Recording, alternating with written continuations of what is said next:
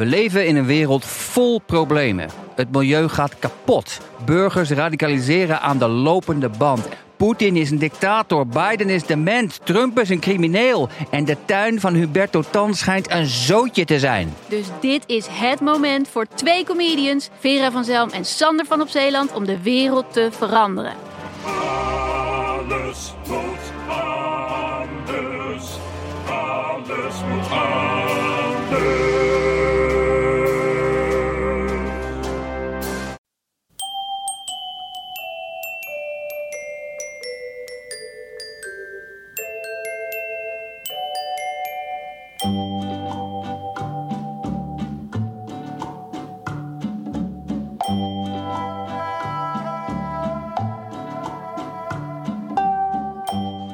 Welkom bij aflevering 132 van de Echt Gebeurd podcast. Waar waar gebeurde verhalen worden verteld door de mensen die het zelf hebben meegemaakt. In deze aflevering een verhaal van mijzelf, Rosa van Toledo. Het thema was 112.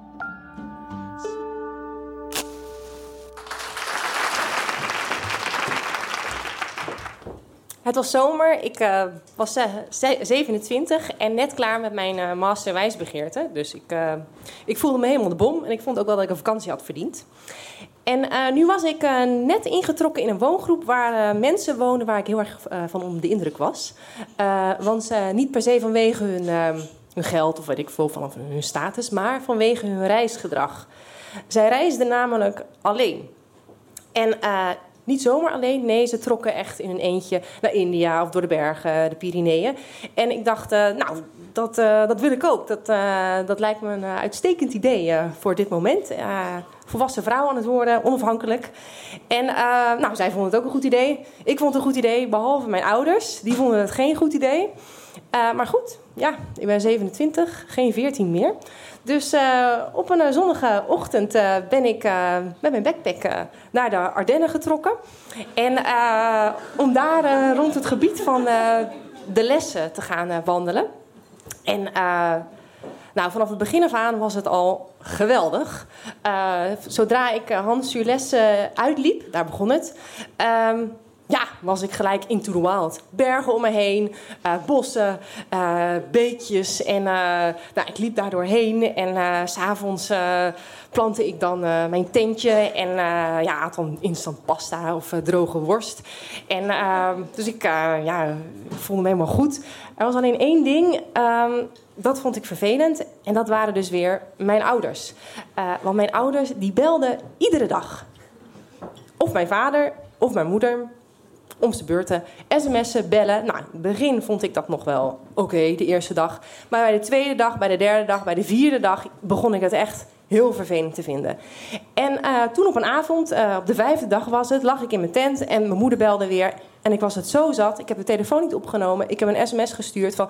ja, hou er nou een keer mee op. Ik ben eh, in, intussen 27. Jullie moeten een keer met rust laten. Je maakt, je maakt me helemaal onzeker met dit, dit bem- bemoeierig gedrag. Ehm, ja, ik ben een volwassen vrouw geworden, dus laat me nou alsjeblieft een keer met rust. Nou, mijn moeder belt natuurlijk gelijk op. Ehm, mijn vader stuurt een sms'je. Ik heb niet opgenomen, ik heb mijn telefoon uitgedaan en ben gaan slapen. Nou, de volgende dag was het weer super mooi weer. En eh tentje ingepakt, eh, ben gaan lopen. Maar ik bleek dus bij een dorpje te zijn dat een, eh, ja, was een soort outdoor paradijs. En allemaal kanoverenigingen, afzeilverenigingen. En ehm, ik dacht, oh, ik, ga kanoën. En eh, ik ben het eerst en de beste kanovereniging eh, binnengelopen, kano gehuurd. En eh, met een groep Franse toeristen werd ik hoog in de lessen gedropt. En nou, dan kon je zo mee met de stroom naar beneden peddelen. En ik ben eventjes in een inhammetje gaan wachten totdat die Fransen weg waren. En dat ik dus de rivier in mijn eentje had. En nou ja, dit was ook weer fantastisch. Want om me heen ja, waren die kliffen weet je, van, van, de, van de bergen van de Ardennen. Bossen om me heen. Ik was helemaal alleen. Het water was eh, stralend. De zon scheen. Het was zelfs zo warm dat ik lekker mijn ehm, eh, renningsvesten uitdeed. En eh, ik dacht, ik wil nog lekker gaan zwemmen. Ik had een bikini aan. Het was echt fantastisch. En ehm, ik kom dus op het duur op een stukje water. Het was een soort rotonde eigenlijk van water. Een open watertje. En het waren drie armen. En ehm, ik dacht, ja, waar, waar moet ik naartoe?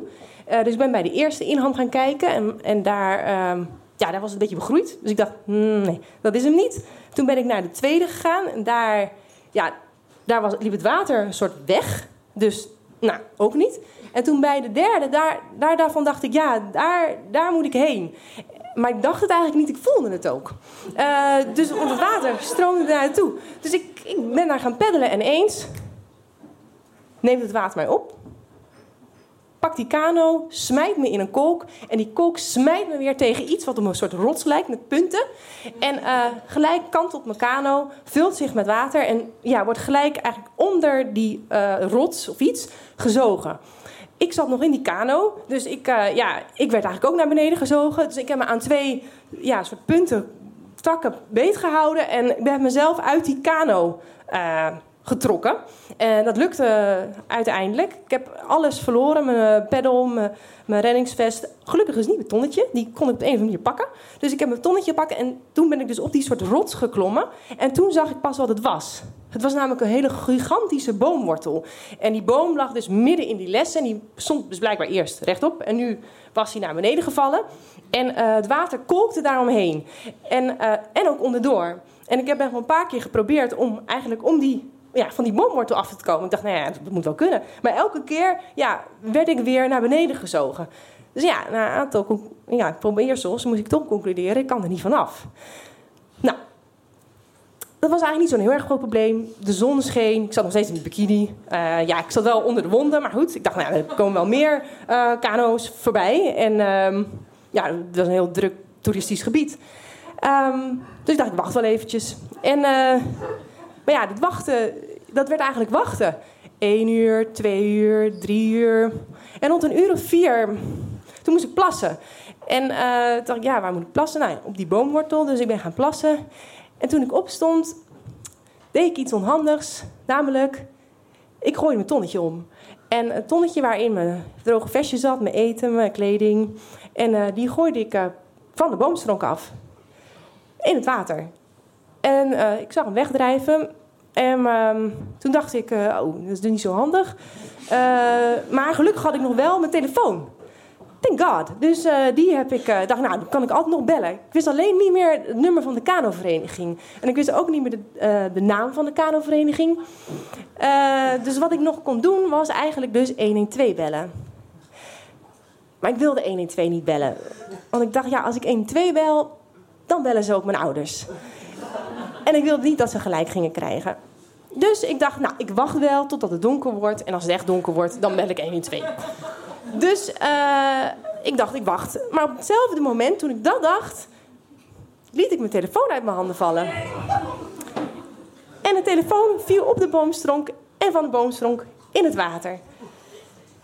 En toen vond ik het eigenlijk niet meer zo heel leuk. En uh, toen dacht ik, ja, dit is toch wel een probleem. Het was dus van een uur of vier. Ja, en de zon was steeds verder aan het wegzakken. En ik zat dus alleen in die bikini op die boomstronk. Om mij heen alleen maar bergen. En toen dacht ik, oké, ik moet dus gaan roepen. En ik ben dus gaan roepen. Uh, eerst uh, nog een beetje zo, joe. ik zit hier. ik schaamde me gewoon heel erg. Want ik dacht, ja, misschien zit er wel een restaurant hier in de buurt. Weet je, dan horen ze zo'n paniekerige vrouw. Uh, dat wil ik niet. Maar ja, daar kwam geen reactie op. En uh, toen ben ik harder gaan roepen. Help, help, help. Keihard ben ik gaan roepen. Brand, brand. Ik wist namelijk van de scouting. Heb ik opgezeten. Je moet brand roepen in plaats van help. Want dan komen mensen. Brand gaan roepen. Ook geen reactie. Ik ben geluiden gaan maken. Alle tonen die ik kon maken. Heel laag, heel hoog. Ik ben de morscodes gaan nadoen. Ik ben sirenes na gaan doen. Ik heb alles gedaan. Ik heb uren geschreeuwd. Uren. Het ging namelijk al schemeren. De zon was achter de bergen gekomen. En er kwam geen reactie. Nou ja, toen ging het dus schemeren. En toen ineens, heel van heel ver hoog, hoog in de bergen, hoorde ik... En ik ben weer opgesprongen en ik ben weer gaan gillen, gaan krijsen. En het uh, geluid kwam uh, eigenlijk in een slinger steeds dichterbij. Dus we antwoorden eigenlijk op elkaar. Ik gilde weer naar uh, het geluid. En nou het geluid kwam steeds dichterbij. En uiteindelijk kwam het geluid dus bij de oever. En het geluid bleek een Fransman te zijn. En ik heb hem uitgelegd wat ik deed. En hij heeft alle kanoverenigingen van de hele buurt afgebeld. En uiteindelijk ehm, is er een reddingsteam uh, op mij afgestuurd. Uh, en uh, dat duurde nog heel lang, want ze konden me eerst niet vinden. En toen, ehm, ja, toen kwam hij er dus aan. En toen zag ik hem dus aankomen varen met twee kano's. En zei ik nog ho, ho, ho, want er is een kolk. Eh, en eh, nou ja, die kwam er dus ook weer in.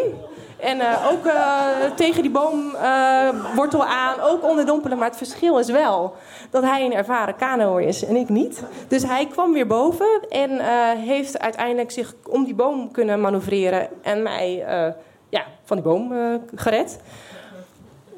Die avond eh, kreeg ik van de kanovereniging eh, eten, een bed.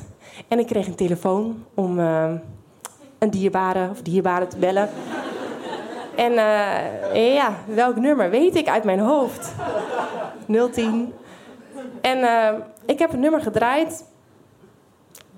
En ik heb weer neergelegd. En eh, deze keer niet omdat ik, omdat ik niet wilde.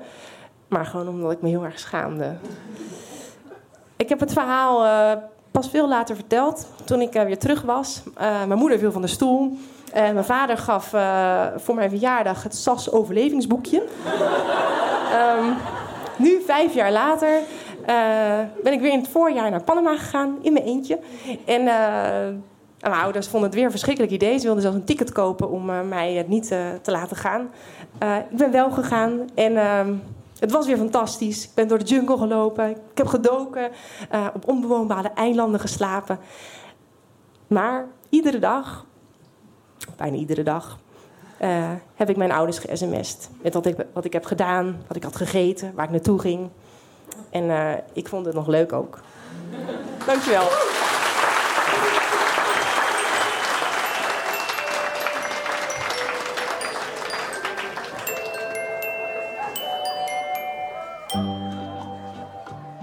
Dat was mijn verhaal.